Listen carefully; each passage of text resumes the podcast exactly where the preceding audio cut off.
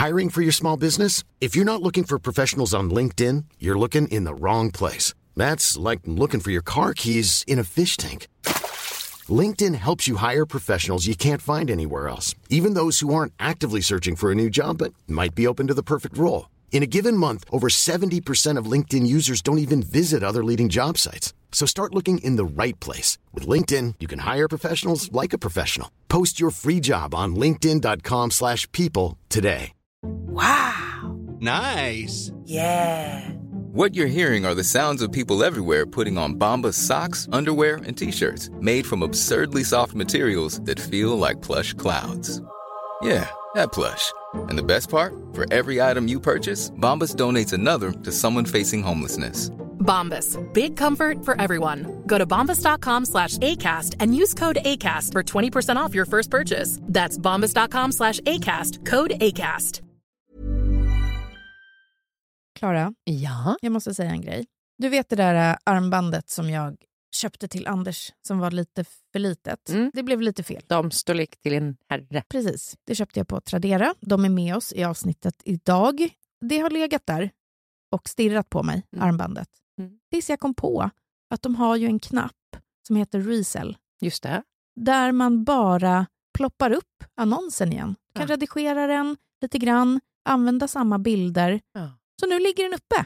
Det är otroligt. Det är otroligt! Jag har också sålt sjukt mycket kläder Mm. och fick riktigt mycket bud på typ så en rodebjärkaftan Ah. som bara liksom drrt. Vänta nu, jag gav bort en sån till en kompis. Du skämtar? Nej, alltså den var uppe över 2000 spänn. Åh jävlar. Hör du det här Malin? Verkligen. Det är så roligt att och, eh, sälja på Tradera. Ja, för det är så vet. enkelt. Jag har ju samlat ihop ett gäng grejer nu så jag kan dundra upp ett gäng annonser. Jag tänker att de här pengarna ska gå dedikerat till min semester. Inte till barnen, Nej, inte till Anders, nej, till mig. bara dig. Jag kanske vill gå Mm. ut med dig en kväll under semestern. Du Mm. vet, vi lämnar familjerna hemma. Gud vad skönt. Ja, exakt. Alltså försemestern börjar Ja. väl nu. Vi går och liksom köper en dyr flaska champagne eller vi åker Ja, till en annan härligt. stad. Alltså, det här är det perfekta sättet att spara ihop till en liten extra semesterkassa. Mm. Gör det. Alltså sälj på Tradera. Det är också väldigt, väldigt, väldigt enkelt. Mm. Alltså det säljs snabbt. Puff! Det går så fort. Man tar den där QR-koden, visar när man lämnar in prylen eller plagget hos sitt postombud och sen så fixar de resten. Det är så smidigt. Alltså Tradera är som en bästis. När man vill få saker och ting sålda. Ja. Jag bara säga en viktig grej till. Okej. Jag har sagt det många gånger nu, men det är så lätt. Och det är liksom nyckeln för mig att det funkar. Ja. Så fort det blir krångel, då känner jag bara så här, jag skiter i Men det. då orkar man inte. Nej, orkar inte. Och det är också jättebra cirkulärt. Det är Precis. roligt att handla på Tradera. Släng upp nu, så kanske ni kan få typ en extra liten skjuts i semesterkassan. Ladda ner Tradera-appen och börja sälja. Ja, nu ska jag göra det. Ut, ut med det. Tack Tradera. Vi fortsätter vårt samarbete med Bosch serie 6. Och nu du, nu har jag hunnit använda köksmaskinen. Mm. Så nu kan jag prata lite mer fritt om de här fördelarna som den är verkligen har. Ja. När man bakar, jag tänker att jag ska snabbt dela ett recept på en pizzadeg om en Mm. liten stund. När man bakar, då håller man inte på med decilitermått och milliliter och hej och hå. Man väger. Det är nyckeln har jag förstått nu när jag har börjat baka brygd också. Bosch har ju självklart en inbyggd våg. Ja. Och jag gjorde pizza med ett av de här sensorprogrammen som Bosch har. Mm. Den har någon unik 3D-rörelse hoho, som gör att typ degkroken blandar allt. Alltså inget fastnar i botten. Nej. Sen sköter den sig själv. Alltså du kan ta en kaffe, ring ett samtal, bättre på läppstiftet. För den säger till när den är klar. För jag är också en sån som väldigt lätt glömmer. Mm. Börjar med någonting och sen går man iväg och så kommer man på någonting annat man ska göra. Och i bakning så är det så jävla viktigt att man gör som man ska. Bosch kommer ropa på dig. Nu har jag börjat ta mig an focaccia för att min dröm är att kunna göra såna här Mm. riktiga italienska mackor hemma. Ja. Jag kör Matgeeks eh, focaccia-recept. Mhm. Skitbra. Så ni kommer få se det nu på min Instagram när jag gör mina Italian sandwiches. Gud vad härligt. Ja. Jag bara snabbt delar det här receptet. 310 gram vatten, 6 gram torrjäst, 550 gram typo 00-mjöl Mm. och 15 gram salt. Mm. Kör ihop vattnet och jästen först. Sen adderar man mjölet och saltet och så knådar. Bosch serie 6-degen, elastisk och fin. Du kan googla Frida Lund pizzadeg. Ja, då kommer det upp. Det är jävligt gott. Och Bosch, det gör det enklare. Stort tack till Bosch. Varför ska jag ens finnas i köket längre? Du kan bara avgå. Ja. Jag blir sugen på att testa att göra pastadeg också, för jag hatar knåda. Oh, vad intressant. Ja, Det får du testa till nästa gång. det måste jag göra. Jaha, vad fan ska vi börja? Ja, var börjar man? Jag vet inte. Livet fan, det är inte på topp kanske. Nej. Verkligen att eh, springa i liksom hagel, pissande motvind. Mm. Och som att det är någon slags Murphys law att Mm. allt skit händer samtidigt Mm. av någon anledning. Jag vet. Det är verkligen alltid så. Det är som att man kan förvänta sig när något hemskt sker att det Ja. kommer med flera. Det kanske inte ens Murphys law kanske är om det värsta ska hända så kommer det att hända. Mm. Skitsamma, men bryr sig om fucking Murphys law. ja, Jag kan bara dra ett kalas Mm. innan vi alltså, låter mörkret ta oss ja. hårt. Så Eh. Vi ska ridas hela vägen ner till helvetet. Nej, men så illa är det inte. Jag tror att det kommer att bli fint också, så ni behöver inte sluta lyssna nu. Nej. Och det kommer att bli hoppfullt också. Mm. Och det kommer att bli vackert, tror jag. Hoppas jag. Mm. Jag har i alla fall fått tillbaka mitt DNA-test Ja. som jag beställde för 1000 år sedan. Som jag fick hem för liksom 400 år sedan, som sen låg i 200 år hemma innan jag äntligen liksom slickade på den där topsen. Du har inte varit rädd för att göra det, för jag har tänkt att om jag slickar på den där topsen och skickar in ett sånt DNA-prov, de använder ju det sen när de ska kolla upp brottslingar och förövare. Det var ju så Linköpingsmördaren åkte dit. Jag vet. Alltså, Anders var så här, ska du lämna ut ditt DNA? Men jag var för nyfiken. Ja, jag fattar det. Vilket kanske kommer bita mig i röven någon gång. För jag skulle ju verkligen kunna alltså, backa någon. Ah. Om det var liksom en kompis som ringde och sa, alltså, kan vi göra oss av med? Så, så hade jag eh, sagt ja. Du menar, kan vi göra oss av med den här soppåsen som inte är sorterad? Exakt. Då kommer jag hjälpa till med det. Och då åker väl jag dit då. Ja, du åker dit. Ja. Inte förvånande nog, men kanske lite trist. Jag hade liksom en, en önskan om att det skulle finnas typ så här 3% Spanien eller något. Ja. Men jag är ju då den mest ariska personen som går på den här jorden. Är, du, för- är du förvånad? Nej, inte förvånad. Jag är inte förvånad. Men det är ändå eh, otroligt för att de flesta som jag har sett som har gjort sådana här DNA-test så är det ändå så här. Och en och en halv procent Frankrike, 3 procent Ungern. Jag är då 80 procent svensk, men inte bara svensk utan 80 procent från norra Sverige. Ja. Det är liksom Norrbotten, Västerbotten, Jämtland och 20 procent från Finland. Så det var liksom inte så att jag skrattade till när det kom. Nej. Jag är inte förvånad. Men det var ändå, det var ändå lite så pirrigt när det dök upp ett mejl och bara, ditt DNA-test är klart. Ja. Klick. Jag tänker också säga att du är 20% finsk. Jag trodde det var mer, Ja. för det är väl typ bara i Finland som människor är blonda i vuxen ålder naturligt. Det känns Ja. som en sån jävla finsk grej. Ja. Verkligen. Du skrev det, antingen finnar eller albinos. Ja, som är blonda i vuxen ålder, ja. Ja. Alltså primärt. Jag undrar om det finns forskning på det här. Det borde det göra. ja, det vore väldigt intressant faktiskt. Det blonda folket. Det är vi.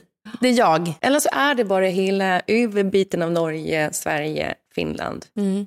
För det är väl också ganska melatoninfattigt där, tänker jag. Ja. Melanin heter det. Ja, men inte melatonin. Det, det, det är något Nej, helt annat. Det har de ju, i alla fall på vintern när det är fucking mörkt. Verkligen. Nej, men det, det roliga med det här egentligen var ju inte att jag fick veta liksom, hur mitt DNA är sammansatt eller från vilka länder, utan det var ju att man kunde sen klicka vidare för att se släktingar. Alltså människor man delade DNA med. Ja. Och då fick jag upp en person som det liksom stod är en förälders kusin. Mm. Min eh, pappa hade ju två systrar, båda är döda och nu är han också död. Sen hade han, eller har, tre halvsyskon Ja. eh, som vi liksom inte har någon kontakt med. Min pappa kontaktade sin lillebror, eh, hade letat efter honom i jättemånga år och när han var sjuk så fick han kontakt med honom. Ja. De hann bara träffas två gånger eller något innan pappa dog. Och han har också två liksom, systrar, så att jag förstår ju att det här är en person som verkligen är min släkt. Så jag skrev till henne på Facebook och bara hej hej, typ, Mm. tror att vi är släkt. Jag har inte fått svar ännu. det blir spännande. Man vet inte var det kommer, kommer landa. Det var ju lite en önskan när man gick in att det hade stått typ så här halvsyskon. Att du hade fler? Ja, typ farsan hade knullat snett eller någonting. Ja. Det där hände ju faktiskt min, eh, min pappa. Mhm. Har jag berättat om det? Nej. Det var så konstigt för när farmor dog, eh, hon dog först, då skulle de kolla, du vet, göra bouppteckning eller vad fan det är. Och då visade det sig att farmor har skrivit över allting på typ morsan eller någonting. Alltså det var jättemärkligt i alla fall. Mm. Sen dör farfar ett år senare, typ av sorg. Och när han dör och de gör bouppteckningen så kommer det fram ett barn. Mm. Då har han ett barn då med, när han var 18 med en piga på sin eh, systers gård. Ja. Och farsan var så här, fan jag har varit ensam barn hela livet. Och jag har haft ett syskon som bor i Stenkyrka, det är liksom typ två och en halv mil från Visby. Mm. Och jag har inte vetat om det här. Nej. Det är så jävla bisarrt. Och hur fan kan de inte ha sagt det här? Ja. Och sen så började vi prata med syskon till min farfar som säger ja, ja, men det där var lite oklart. Då så säger de att det går också ett rykte om att det var faktiskt farfars syrras man som hade knullit snett. Och att farfar var ung och skrev på faderskapet så att det inte skulle bli en skandal. Aha. Men sen åker ju han och träffa den här kvinnan då, sin, syster, halvsyster. Och hon säger, men jag växte upp hela livet med en bild på min farfar Erik, Ja. pappas pappa. Herregud. Det är så jävla märkligt. Också att man kan liksom ta med sig en sån hemlighet i graven, för det kommer ju komma fram sen. Ja, men jag vet, det är det där som är så sjukt. Alltså, det, ja, det är ju det är ju verkligen. ett jävla svek ändå. Särskilt för någon... Gud, ja. Ja, men typ om du skulle veta nu, och om det var så att din pappa då, Staffan, att han skulle vara helt medveten om att det Mm. Ja. finns ett, ett Nej, barn. men sinnessjukt beteende ju. Ja. Det är inte okej. Nej, det är inte okej. Alla ni, nej jag. Uppmaning Ja. till alla er där ute som har knullat snett och fått ett barn. Ja, det var i alla fall lite roligt. Det var verkligen, jag måste fasen gå och göra det, sånt där test. Mm. Så får vi se om det är någon i min släkt som åker dit för mord. Det är ju ett par mord på Gotland som är olyste. Procentuellt så skulle det kunna vara någon i din släkt. Ja. Inte också alla släkt med alla på Gotland. Alla är verkligen det. Alltså vi, jag har ju förlängd eh, svanskote. Alltså förlängd, inte jätte...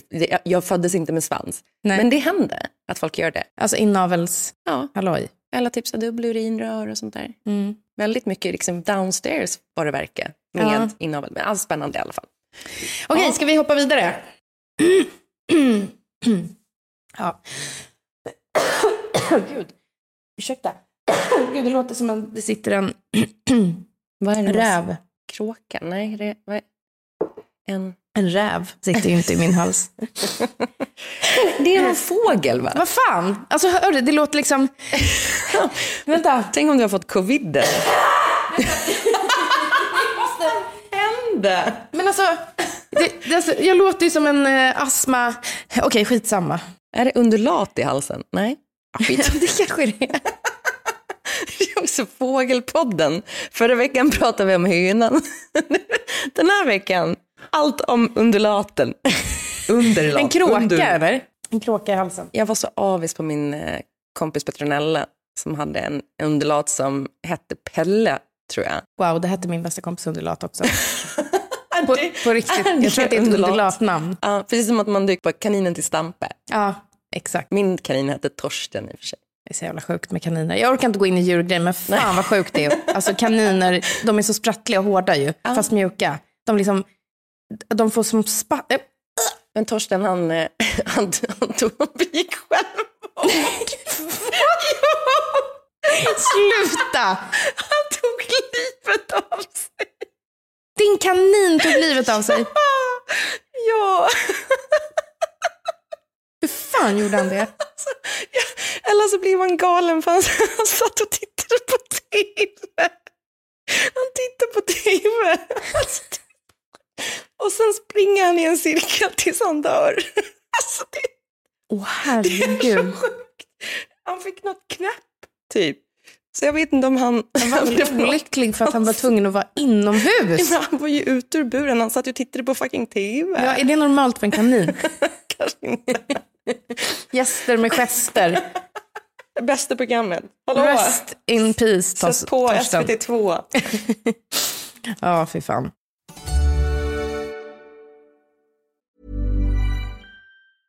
There's never been a faster or easier way to start your weight loss journey than with PlushCare. PlushCare accepts most insurance plans and gives you online access to board-certified physicians who can prescribe FDA-approved weight loss medications like Wigovi and Zepbound for those who qualify. Take charge of your health and speak with a board-certified physician about a weight loss plan that's right for you. Get started today at plushcare.com slash weight loss. That's plushcare.com slash weight loss. plushcare.com slash weight loss. Hey, Dave. Yeah, Randy. Since we founded Bombus, we've always said our socks, underwear, and T-shirts are super soft. Any new ideas? Maybe sublimely soft. Or disgustingly cozy. Wait, what? I got it. Bombus. Absurdly comfortable essentials for yourself and for those facing homelessness. Because one purchased equals one donated. Wow, did we just write an ad? Yes. Bombas. Big comfort for everyone. Go to bombas.com slash ACAST and use code ACAST for 20% off your first purchase. Vi hoppar in i ett samarbete tillsammans med Lexus som nu lanserar sin minsta SUV. Ja. Det är lite roligt med den för den säljs i fyra olika atmosfärer för att passa olika personligheter. Väldigt roligt. Ja men eller hur. Och bilen heter Lexus LBX. Och jag vill också säga och vara väldigt tydlig med att även om den är liten så har den ju det japanska arvet, hantverket och alla exklusiva detaljer som alla Lexus-bilar har såklart. Ja. Det roliga med Lexus är att det du har i din bil säger mycket om vem du är som person och de vill utforska det Ja. och göra What's in my car edition, alltså den här gamla goda What's in my bag. Ja. Och vi ska tillsammans med Dumma människopodden utforska det här. Alltså vi ska visa och snacka om vad vi har i våra bilar och så ska Dumma människor analysera det. Det är ju skitkul. ja. Och pinsamt, eller? Kanske lite pinsamt. Ja, för jag tänker liksom, är det jag? Alltså det jag har i bilen, är det jag? För det är nog inte så bra. Jag kan liksom känna lite samma sak men jag tror också att folk kommer att bli chockade över vad jag har i min bil sett till hur jag kanske framställa mig i övrigt som människa. Så det är spännande faktiskt. Innan vi kommer in på vad vi har i våra bilar så måste vi prata om att då egelhybriden Lexus LBX har olika atmosfärer så att man kan liksom beställa beroende på sin personlighet. Och de atmosfärerna som finns att välja mellan är elegant, relax, emotion och cool. Vilken tänker du spontant passar dig bäst? Jag vill vara en cool, Ja. men jag tror att om jag ska köra bil så bör jag vara en relax. Ja. Jag är beredd att hålla med med tanke på att jag har sett och hört din road rage. Exakt. Jag tänker ju också typ att jag borde vara en emotion. Men jag dras till elegant. Den kan du sitta med din Chanel-klänning i. Återhållsamt, sofistikerat, mycket stil. Jag vill nog vara mer elegant faktiskt. Men du, berätta nu. Vad har du i din bil? Jag är så nyfiken. Och det är kanske därför också jag vill ha elegant. För att mitt liv i övrigt i bilen är väldigt icke-elegant. För jag har alltid eh, våtservetter, jag har solglasögon och då är det inte snygga solglasögon utan det är ju bilsolglasögon, sån där som en, ens pappa hade på 80-talet från typ Ja. macken som man bara köper för 99 kronor och ser ut som skit. Men de funkar och de får inte vara för mörka heller för du ska kunna klara och köra liksom in och ur tunnlar utan att behöva ta av dem. Just det. Och sen har jag alltid minst tre sån här eh, återanvändningsbara plastkassar som man handlar med. För att nu är ju plastpåsar så sanslöst dyrt. Jag har alltid extra blöjor och en sån här liten plastgreja som gör att man kan få loss en kundvagn på ICA. Wow. Ja men vadå, har inte du alltid det i bilen? Nej, jag blir jätteavundsjuk. Det jag har i min bil kommer vara ett sånt jävla nedköp. Jag är jätterädd nu för hur dumma människor ska tolka. Ja, förutom det, hundbädd och extra koppel till hunden. För det är ju ofta man slänger in hunden och så glömmer man kopplet och så finns det ett extra där. Vad har du då? Ja, men. Jag, jag har ju bara tomma grejer i min bil. Alltså godispapper. en vattenflaska ligger alltid i dörren med en liten slatt. Ja. Och då vet jag inte liksom hur länge den har legat där. Läppglans, alltså för det har jag tappat ner eller slängt ner när jag liksom är stressad när jag kör och inte kan liksom titta då åt sidan så bara kastar jag iväg det någonstans. Ja. Ibland har jag en torr våtservett, men det är sällan jag har liksom ett helt paket. Och sen har jag alltid en tom godispåse. Och en slatt med gammalt kaffe. Nu finns avsnittet med dumma människor uh, där de analyserar vad vi har i våra bilar. Där poddar finns. Gå in och lyssna nu. Stort tack Lexus. Tack Lexus.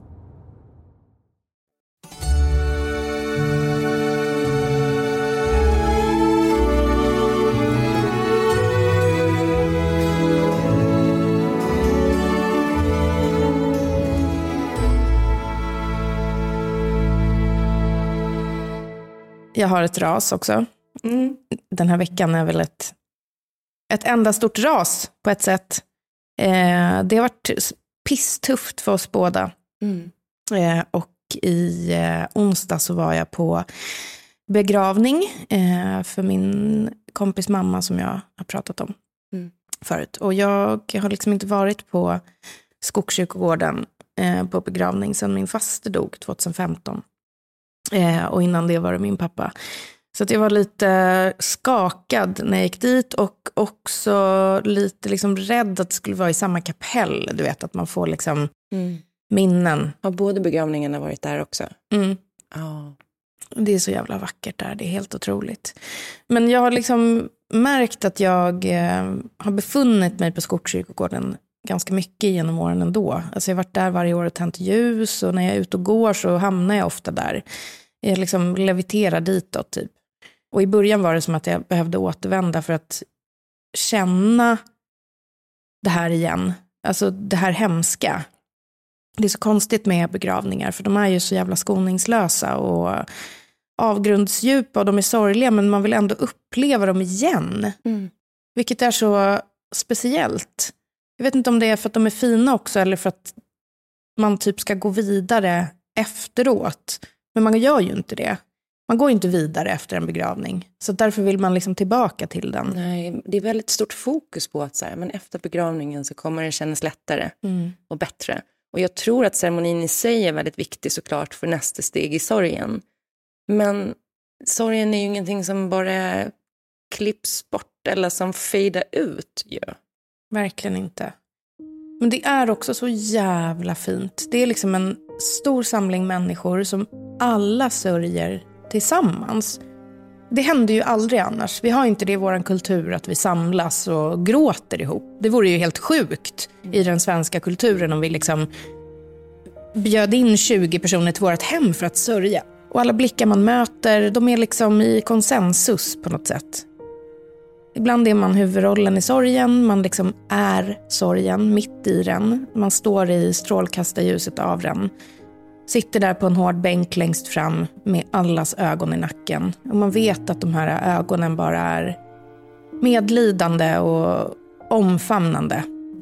Jag var där i juni 2009 med min pappa och min kompis var där nu i februari 2024 med sin mamma.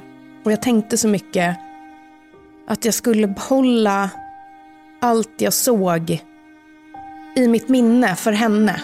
Att jag aldrig ska glömma. Jag ska berätta för henne om och om igen om hur vackert allting var och hur hennes man som satt precis bakom henne hela tiden riktade sin blick mot henne i liksom full kärlek. Och hur deras son vilade sin kind i hans hand när han bara somnade. Jag ska berätta för henne om och om igen om snyftningarna bakom mig. Alla små gulliga formationer av tanter som bara satt och snyftade. Jag ska berätta för henne om hennes egna blickar, ständigt uppåt eller koncentrerat rakt fram. Jag glömmer inte och jag ska berätta allt jag såg. Och jag såg henne stryka håret från sin dotters kind, pussa henne på huvudet och vara den här trygga personen. Jag ska aldrig glömma hur hennes man strök deras sons hår när han somnade, pussade honom på huvudet och hur jag såg henne bli stark för att hon behövde vara det där. Jag är så stolt. Jag är så glad att jag fick en del av hennes mamma. Sen blir man bara så jävla trött efter en sån här dag. Någon finns liksom inte mer, men allas liv ska bara fortsätta. Alltså mina barn är sjuka.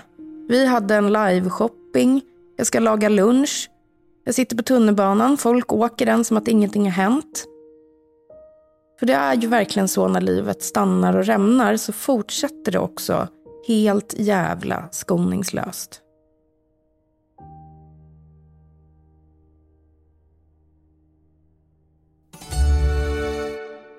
Det har ju varit tufft liksom, av olika anledningar eh, under en tid. Jag har känt att liksom, med hälsan och sådär, att det, det inte varit toppen. Eh, och sen, det har ju också varit påfrestande för vårt äktenskap. Och eh, vi har haft det pissdåligt verkligen. Mm. Och sen kommer det bli ännu värre.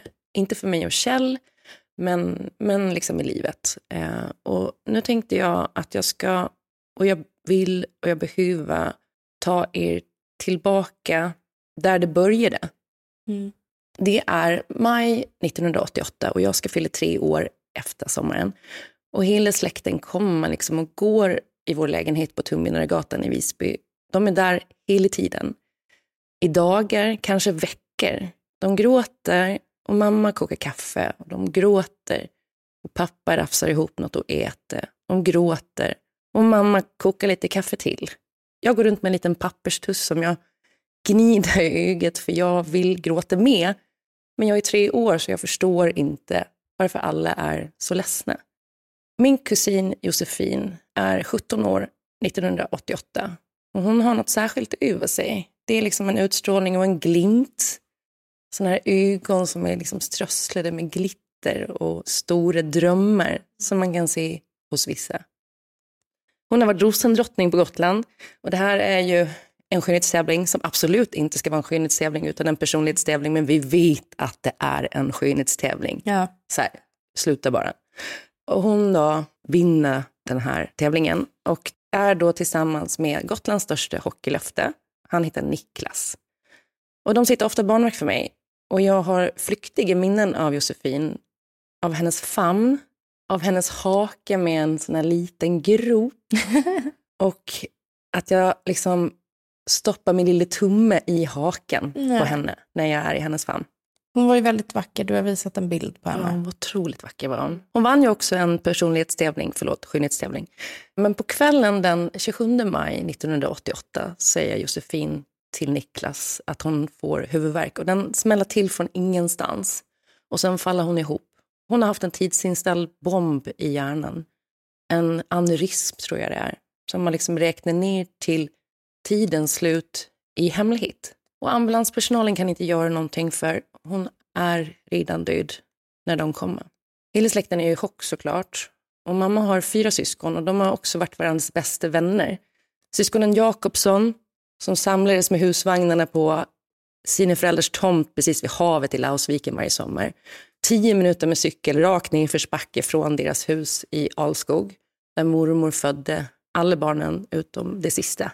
För då var det liksom lite trendigt att föda på sjukhus. 59 kanske det var. Husvagnarna stod i någon slags U-formation runt stugan som morfar hade byggt själv på skydtomten som han hade köpt för 50 kronor kvadratmetern. Helt sjukt. Syskonen Jakobsson kokade kaffe på hembränt när vattendunkarna var tömda. Det fanns inget rinnande vatten. Och vad gör vi då när vi är sugna på kaffe? Vi tar hembränt istället. Den här släkten var väldigt sammanbunden. Men nu har de liksom börjat slita på varandra. För när ett syskon förlorar sitt barn blir allt så sorgligt. Det blir för sorgligt, för bandet tuggas sönder bit för bit och spottas ut som det kan göra när allt är nattsvart. Niklas då, Josefins pojkvän, han sitter i bilen på väg till sitt sommarjobb en dag och han somnar framför ratten efter all sömnbrist. Och han har inget bälte. Och kroppen slungas liksom ur bilen och han kommer sen vakna och vara förlamad från midjan och neråt. I augusti 1988 ska jag fylla tre år. Och nu ska vi höra min kusin Annette. Annette är Josefins stora syster. Och hon frågar mig vad jag önskar mig dagen före min födelsedag. Vad önskar du dig när du fyller år, Klara? Vad vill du ha? En koffert. En En koffert. Vad ska du ha kofferten till då? Här, myser med. Och mysa med? Jag vill ha en kofot som jag ska mysa med och ingen begriper varför. Men när Niklas kommer några veckor senare med ett litet gosedjur i present så trillar polletten ner för det här är då en spräcklig kossa med stora fötter. På fötterna så står det I love you. Och jag skriker min kofot! En kofot! ja, det är en ko med stora fötter, det är en kofot. Det är den jag ska mysa med. Innan var de liksom lätt oroade över min framtida karriärsbana. Vad är det hon ska bli? Är det en liten familjen Knyckertz här? Ja, men också på något sätt klara kår. Att kunna önska sig en kofot när du är tre år. när du visade mig det där klippet så var jag inte chockerad. Du vet ju inte vad det var egentligen. Nej, nej. Jag skickade alltså, bara klippet. Ja, utan inramning. För jag tänkte du skulle få höra det nu. Men det är ju då så att Niklas då berättade att jag har tråne efter den här kofoten när jag har varit med honom och Josefin på Tempo. När hon fortfarande levde. Och nu lever hon inte längre. Och Niklas sitter i rullstol. Och han är inte längre något hockeylöfte. Men han kommer att tävla i OS i rullstolstennis och rullstolsbasket. Han kommer att hjälpa barn som mött samma öde som han själv. Mm. Han vet det inte själv än, men han kommer att bli viktig för så oerhört många och älskad av exakt alla som möter honom. Mm. Efter några år så lägger sig ilskan i släkten, men sorgen finns kvar och den kommer alltid att finnas. Släkten lagar det här bandet igen, centimeter för centimeter, syr och liksom trockla med försiktiga händer. Min moster anklagar inte längre sina syskon för att de inte har förlorat barn, att deras barn lever. Och jag börjar besöka Josefins grav och jag pratar med henne. Och den har... den har en liten vit porslinsduvre som blickar ner mot marmorstenen. och stenen läser bara Josefin, 17 år. Varför? Nej. Ja, varför? sorgen, som sagt, sorgen kommer alltid finnas. Det är liksom ett släkttrauma såklart. Mm. Jag växer... oj, oj, hur ska jag kunna göra det här? Vi får se hur det går. Vi får se. Eh, jag växte upp som sladdbarn och mina syskon är ju sju och elva år äldre. Och de flyttade tidigt hemifrån. Men jag har mina tre jämnåriga kusiner. De heter David, Adam och Alexander. Och vi röjer hårt. Davids bakgård är liksom stor och den har en grotta i berget. Om man står då på höjden uppe vid Vårklockegatan så kan man se rakt ner bakom H10-huset. För han bodde i H10-huset då. De som bor på Gotland vet vad H10-huset är. Eller de som Jag vet där. inte vad du pratar om, men, men jag nickar. Men det är en trendig fik och affär med stygg inredning och modekläder nu. Okej. Där, på den gården, utspelar sig nästan hela min barndom. Och det är bara ett staket från min förskola på Perskan, där David också gick. Min kusin David har haft en tuff start i livet. Han är det enda barnet i syskonskaren som adopterades bort från familjen på Sri Lanka, vilket är ovanligt för han var pojke. Mm. Och de adopterar ju oftast bort flickor. Mm. För pojkarna kan, i den kulturen då i alla fall, så kunde liksom pojkarna dra in stålar Mm. och flickorna kanske inte det. Och det är så oklart varför. David är inte alltid god, men han är inte heller alltid ond. Och vi lever som bror och syster, men relationen är komplicerad och jag kanske får återkomma till det, för den berättelsen är så otroligt lång. Och jag vet inte ens var jag ska börja där. Nej. Men jag älskar honom, oavsett. I februari 1999 så dör vår morfar Alex. Jag och David har då hunnit bli tonåringar och åka till sjukhuset för att se morfar i visningsrummet. Mm. Och rummet är kallt och det doftar blöt sten och lågen på ljuset flackar från ventilationen. Och vi står där i tystnad, bara han och jag, tills David säger jag undrar vem som kommer ligga här nästa gång. Mm. Den 13 september sitter jag vid matbordet i Kryddgränd och skriver klart ett NO-arbete för Wolfgang Brunner. Mhm. Det är alltså läraren som vi hade den här lungmätartävlingen med, Mm. som jag pratade om i ett typ förra avsnittet. Och eh, han berättade också under sexualkunskapen att han hade knullat på sin fru på köksbordet. Och det, det piggade fan upp. alltså på riktigt. Att det inte bara är så här, så här ser en penis ut. Utan han bara, vet ni vad? Ibland blir man bara jävligt kåt och sen så tar man sin fru upp med henne på matbordet, upp med kjolen och sen tjoffar man igång. Ja. saknar. Jag tror också att han är typ så aktiv i Miljöpartiet nu. Är det sant? Ja, men det känns som en så fri 70-talssjäl, liksom. 70-talsbohem. Ja. Ja, älskar dig Wolfgang, om du lyssnar på det här. Jag tror inte det.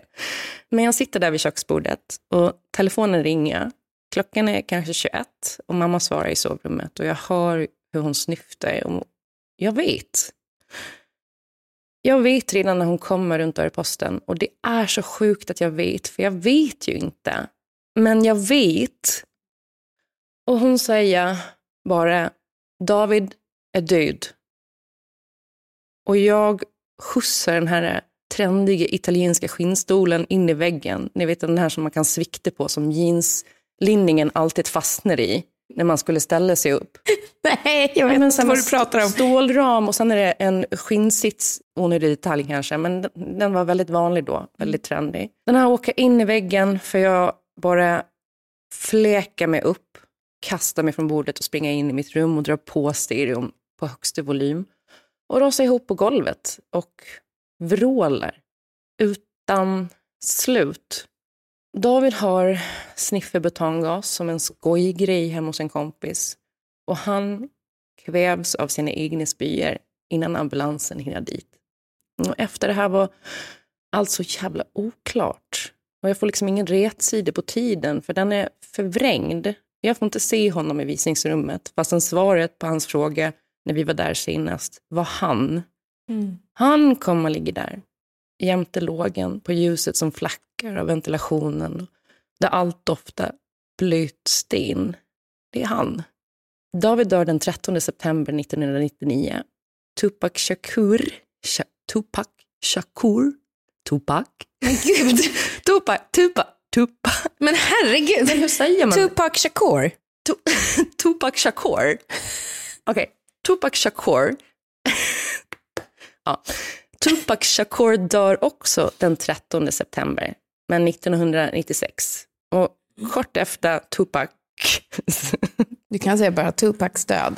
Okej, kort efter Tupacs död börjar då det här ryktet, det här om att han har fejkat sin egen död, Mm. som vi nog aldrig känner till. Mm. Och David är svart och han lyssnar på gangsterrap och han dör samma datum. Så det tar inte lång tid för de här ryktena drabbar även honom. Mm. För David kan ju inte vara död. Det måste vara en komplott. Så på begravningen ska kisten öppnas för att ryktet är så ihärdigt att den här 15-åringen på Gotland har fejkat sin egen död. Bisarrt. En öppen kista. Vi måste ta död på ryktena. Det är... Jag vet, men det, det blev så, det var så. Och det är kanske 200 människor som rör sig mot Norra kyrkogården. De flesta barn i tonåren. Gravarna ligger där, vänder mot havet och det är som att salta vindar piskar oss in i det här Alla helgona kapellet som det heter. I slutet av ceremonin så ber prästen de som vill att lämna.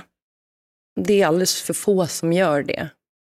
Och när kisten skruvas upp och locket lyfts åt sidan så utspelar det sig något som jag inte önskar någon egentligen. Det är fullkomligt bisarrt för jag hör ljudet av alla de här högstadiebarnen fortfarande inne i huvudet. Det är sorg i kör. Den är så omöjlig att kontrollera. Det är liksom fler som skriker, börjar skrika rakt ut. Och vi går i rad till kisten. Det är liksom det här lämmeltåget av jämmer. Och han ligger där blek. På huden har det bildats små pärlor av kondensen. Och jag är skräckslagen när jag lägger min ros i hans famn och jag böjer mig fram. Och i stundens ingivelse, jag vet att jag måste nu, för vårt sista möte ska vara ömt och det ska vara kärleksfullt, det ska inte vara kyligt, det ska inte vara elakt. Så mina läppar snuddar vid hans panna i en kyss. Men han är kall och han är. Under en period så kommer jag gå och sparka på hans gravsten på norra. Han ligger nästan jämte mormor och morfar och farmor och farfar, för alla utom mormor dog liksom inom loppet av det här året. Och jag är så arg, för jag vet inte hur jag ska kunna vara ledsen. För ledsen är ju att acceptera. Och vår berättelse ihop blev aldrig klar. Jag är inte klar. Och jag sparkar, jag sparkar, jag stampar, jag sparkar och jag skriker David, hör du mig? Jag är fan inte klar. När jag och David separerar, alltså det här är David Sundin. det här är många, många år senare. Men då börjar liksom marken skaka under mig, som den gör i en separation med barn. Den skakar som en jordbävning, det är liksom en nia på Richterskalan. Och jag får komma till en kurator och han heter Rickard. Och han har liksom noppriga koftor och beige manchesterbyxor och är väldigt orakad. Man undrar om man kanske har alkoholproblem. Han noterar liksom att jag hela tiden återkommer till situationer med min kusin fastän jag är där på grund av separationen. Jag graviterar mot den här gravstenen som jag står och sparkar på. Och så en dag så säger kuratorn, du har aldrig berättat för mig vad din kusin hette. Och de här orden når liksom hela vägen in för jag faller fritt nu och min röst går snabbt från en viskning till ett tjut när jag säger, han hette också David. Mm. Porten till någon slags läkning ändå öppnades där av Rickard i nopprig kofte på en kuratormottagning i Frihamnen. För när jag träffade David Sundin så slutade jag tänka på min kusin med samma namn och jag tror ju nu att det är, eller det var, en skyddsmekanism. Mm. Jag fick inte ihop det i mitt huvud annars. Hur skulle jag kunna leva med David och inte David? Mm. Och när det tog slut med pojkvännen David så reaktiverades då de här, eh, det här traumat med min kusin. Genombrottet leder ju till någon slags traumadiagnos och jag går ett år i behandling. Det blir bättre. Mm. Men nu ska vi hoppa tillbaka till lite före separationen från David Sundin. Jag bara kallar honom för David nu framledes. Ni får försöka att hänga med. Jag tror det här är vintern 2009 eller kanske 2010 och vi bor då tillsammans och vi börjar umgås med min kusin Adam och hans pojkvän.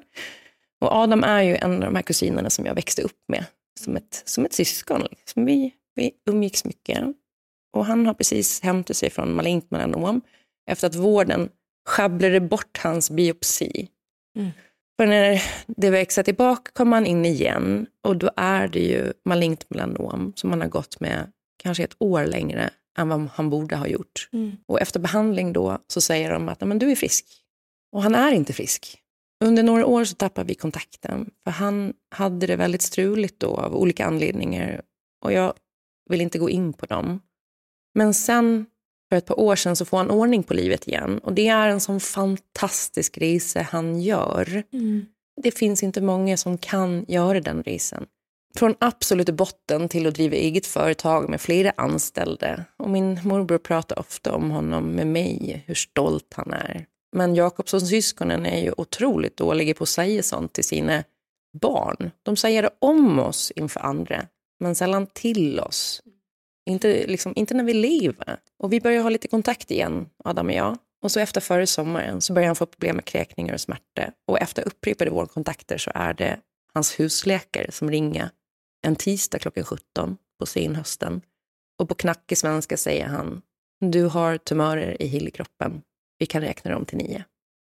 Fram till det här har han alltså blivit nekad vård. Han har till och med blivit utburen av väktare från akutmottagningar när han haft så ont att han inte kan gå, han bara kräks. De har kikat då i journalen och de vägrar ge honom hjälp på grund av hans tidigare historia. Enkla prov där hade ju kunnat motbevisa deras antaganden. Mm. Men vården behandlar inte människor jämlikt och det är fan en fruktansvärd insikt. Ja, det är så jävla fruktansvärt. De här tumörerna är förmodligen då metastaser från hudcancer, eller det är metastaser från hudcancern han hade tidigare. Och de är illakartade och han påbörjar immunterapi. Och så förra helgen så hör han av sig och berättar att han är inlagd igen. Tumörerna har växt trots behandlingen. Och jag åker till sjukhuset och det blir en fin eftermiddag. Vi röjer runt med honom sittandes på relatorn och den här syrgastanken han måste ha i liksom släp. Det känns så otroligt rock'n'roll när han säger att vi ska lämna sjukhuset för att köpa nikotin på andra sidan gatan.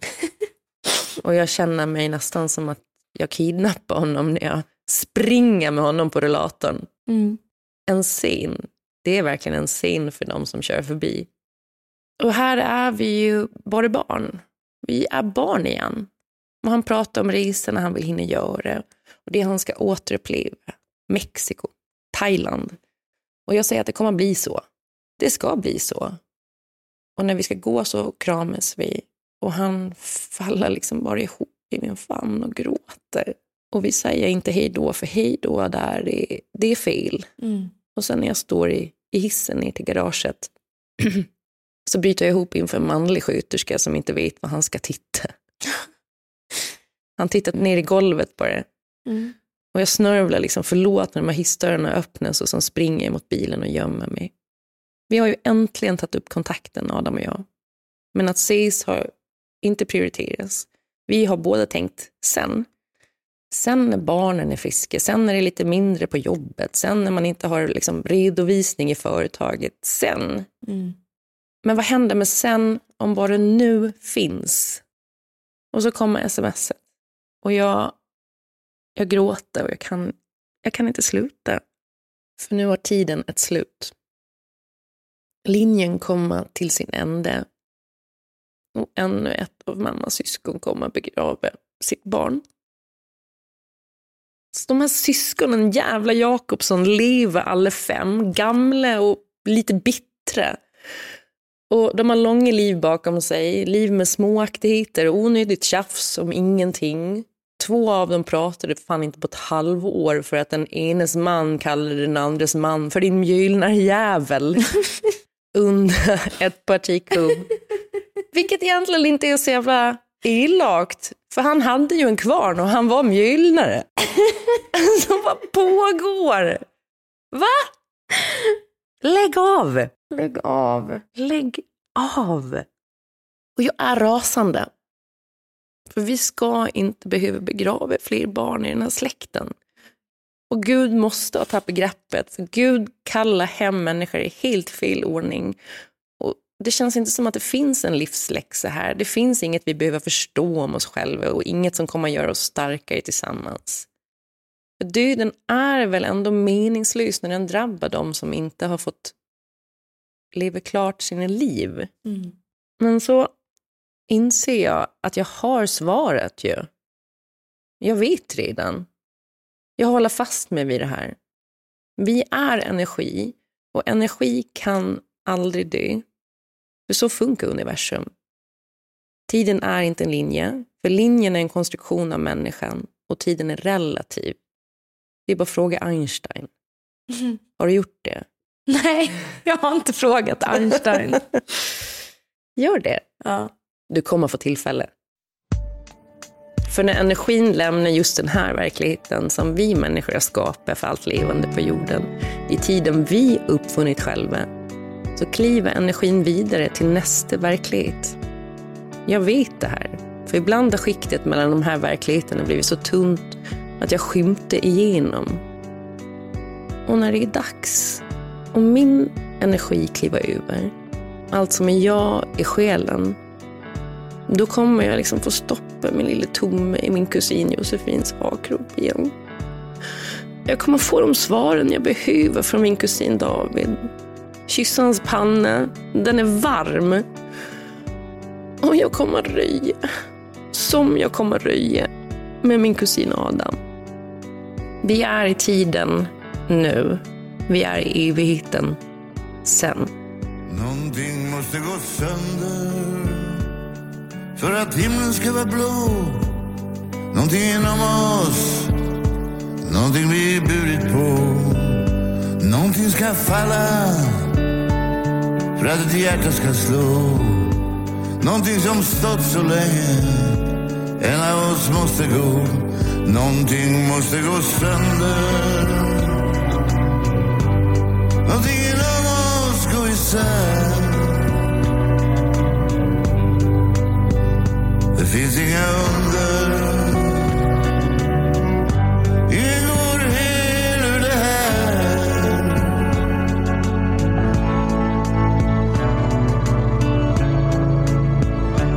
Det är som en god bok, älskling, som du och jag. Efter det sista kapitlet vill man ha ännu en rad. Men vi är äldre nu närmare himlens Varför är det när man minns det som aldrig blev av. Någonting måste gå sönder. Någonting inom mig går isär. Det finns inga under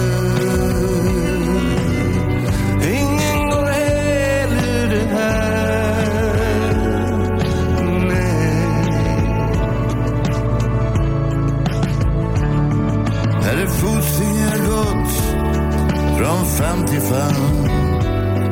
Här är allt som är förlorat. Allting bär mitt namn. Det här är sorgen i mitt hjärta Som jag målade för dig. Det här är sången och orden Som följer mig.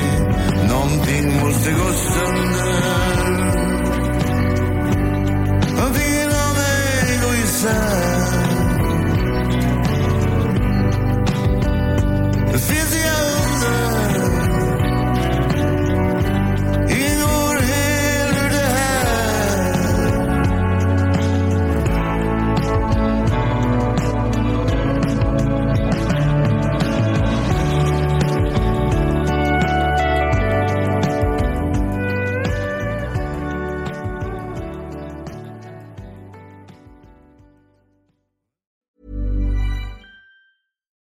I'm Daniel, founder of Pretty Litter. Cats and cat owners deserve better than any old fashioned litter. That's why I teamed up with scientists and veterinarians to create Pretty Litter. Its innovative crystal formula has superior odor control and weighs up to 80% less than clay litter. Pretty Litter even monitors health by changing colors to help detect early signs of potential illness. It's the world's smartest kitty litter. Go to prettylitter.com and use code ACAST for 20% off your first order and a free cat toy. Terms and conditions apply. See site for details. Imagine the softest sheets you've ever felt. Now imagine them getting even softer over time. That's what you'll feel with Bowl and Branch's organic cotton sheets. In a recent customer survey, 96% replied that Bowl and Branch sheets get softer with every wash. Start getting your best night's sleep in these sheets that get softer and softer for years to come. Try their sheets with a 30-night guarantee. Plus, get 15% off your first order at bowlandbranch.com. Code BUTTERY. Exclusions apply. See site for details.